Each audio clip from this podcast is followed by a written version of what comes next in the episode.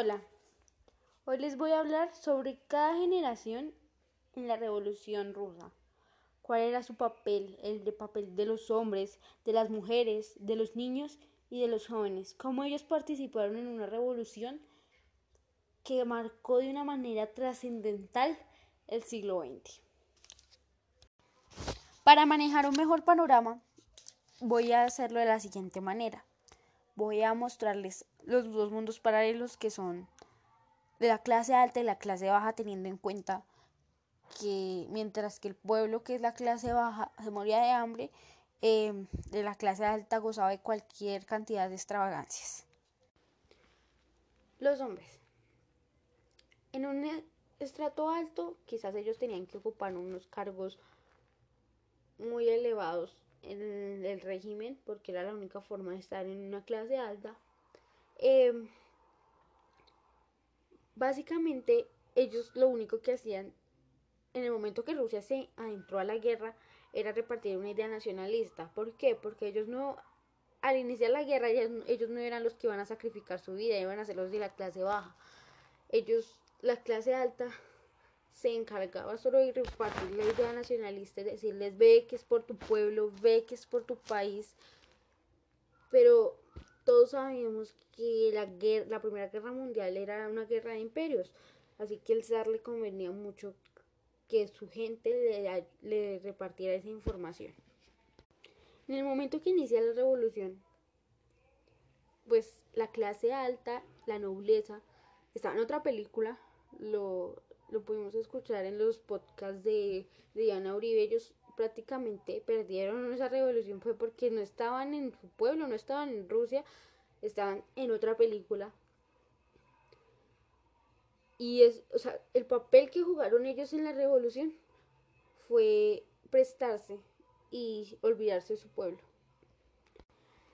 Y los hombres de la clase baja, ellos antes de la revolución em, eran muy poco, eran, según el régimen zarista, ¿no? Eran muy poco, pues no tenían que comer, estaban en una miseria, si vivían en el campo se dedicaban a cultivar junto a sus esposas. Pero digamos que siempre hubo esa idea machista. Entonces, muchas veces esos hombres tenían derecho a elegir entre la vida y la muerte de sus esposas. Si ellos querían matar a sus esposas, pues tenían el derecho. Rusia mete a estos hombres a, a matarse prácticamente en la Primera Guerra Mundial. Porque obviamente los, eh, el régimen zarista no se iba a untar las manos.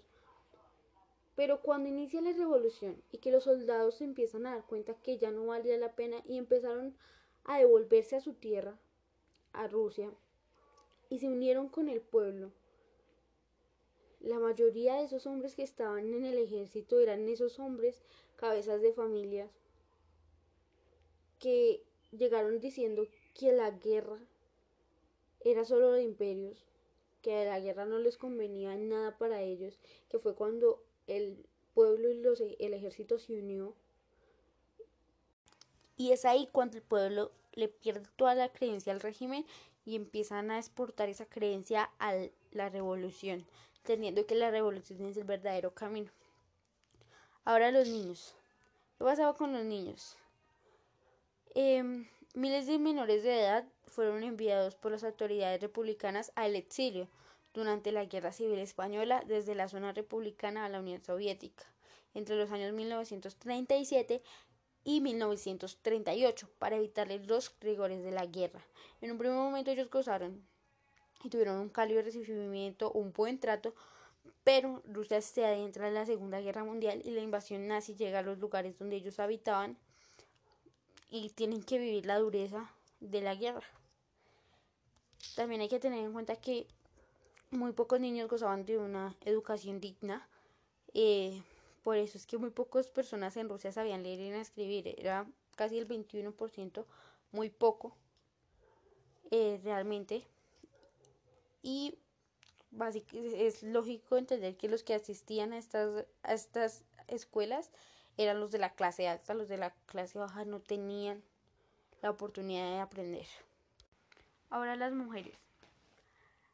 Las mujeres tomaron un papel muy importante en la Revolución Rusa porque los hombres estaban en el frente de la guerra y ellas en las fábricas, ellas manejando la economía de Rusia.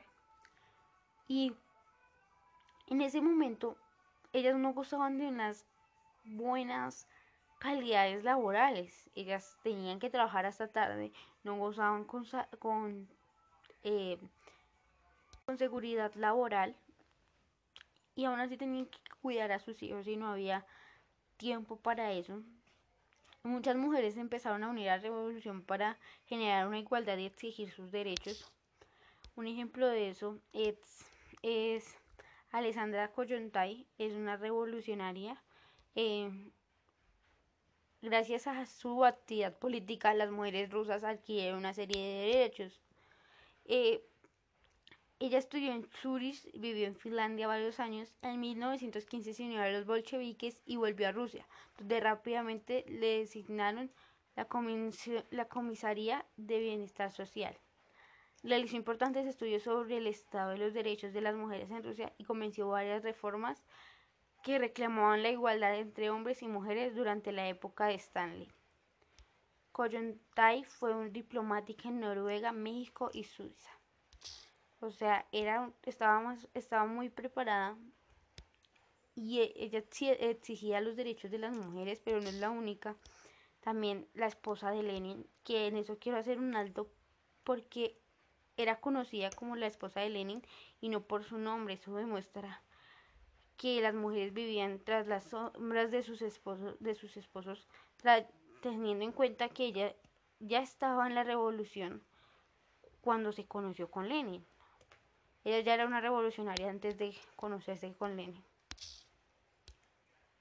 Lo mismo que la esposa de Stalin, conocida así también por ser la esposa de, de Stalin, pero llamada Natalia Sedova, ella hizo algo muy importante y es que se encargó del, del comisariado de educación y estuvo encargada de los museos y monumentos antiguos en 1929 ella impulsó en la educación.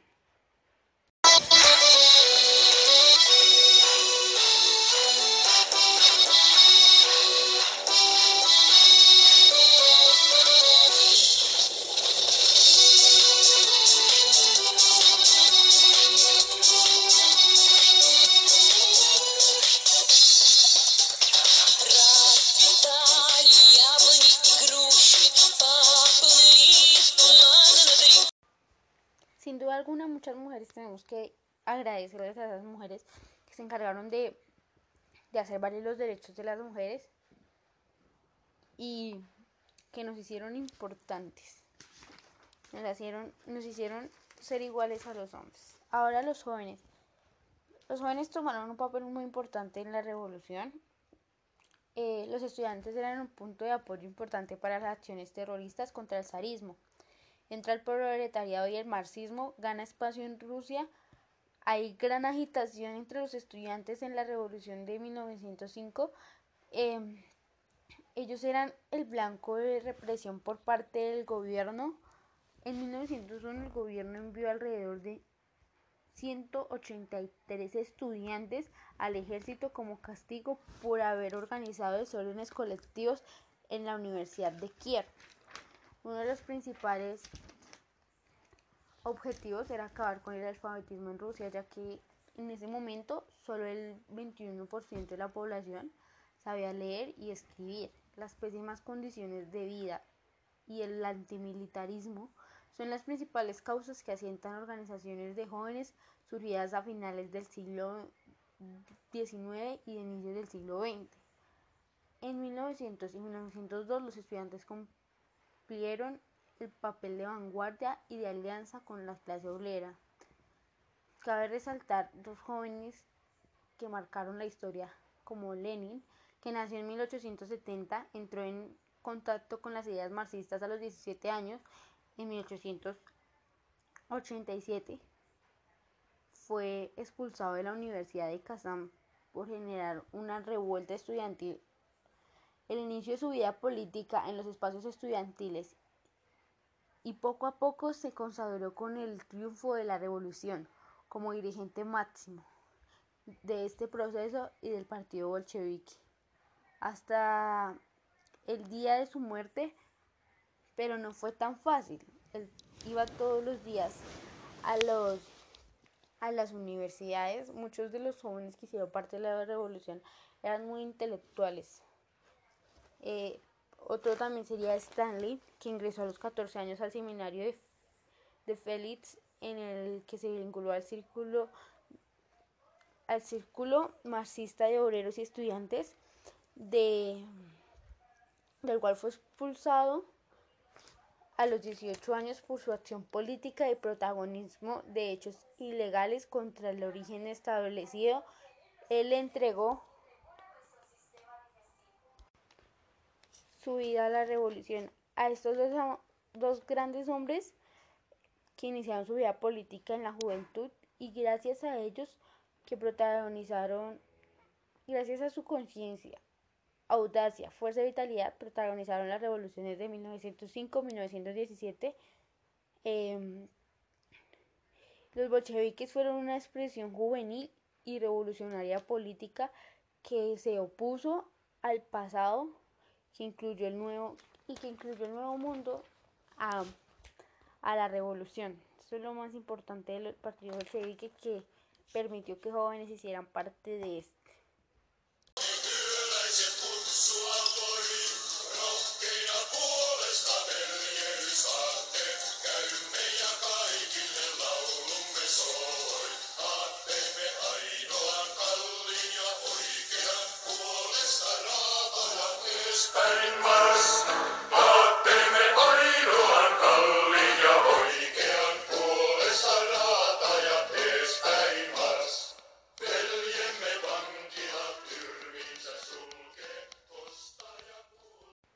Así las cosas, podemos ver que los jóvenes fueron el papel más importante. La mayoría de los que hicieron parte de los partidos bolchevique, socialista y demás eran jóvenes, lo cual era muy importante. Ese fue su papel en la revolución. Em, muchas gracias y espero que este audio sea de su agrado que hayan conocido los papeles de cada una de las generaciones que hizo parte de la revolución rusa, quizás en un antes. Y en conclusión, los hombres de la clase baja se dedicaron a repartir y decirle al pueblo que la guerra no era para ellos, que no les beneficiaba nada a ellos. Muchas mujeres se cansaron de ser oprimidas por el hombre y se empezaron a ser revolucionarias y los jóvenes que hicieron un papel importante como Lenin, Stalin y demás. Muchas gracias.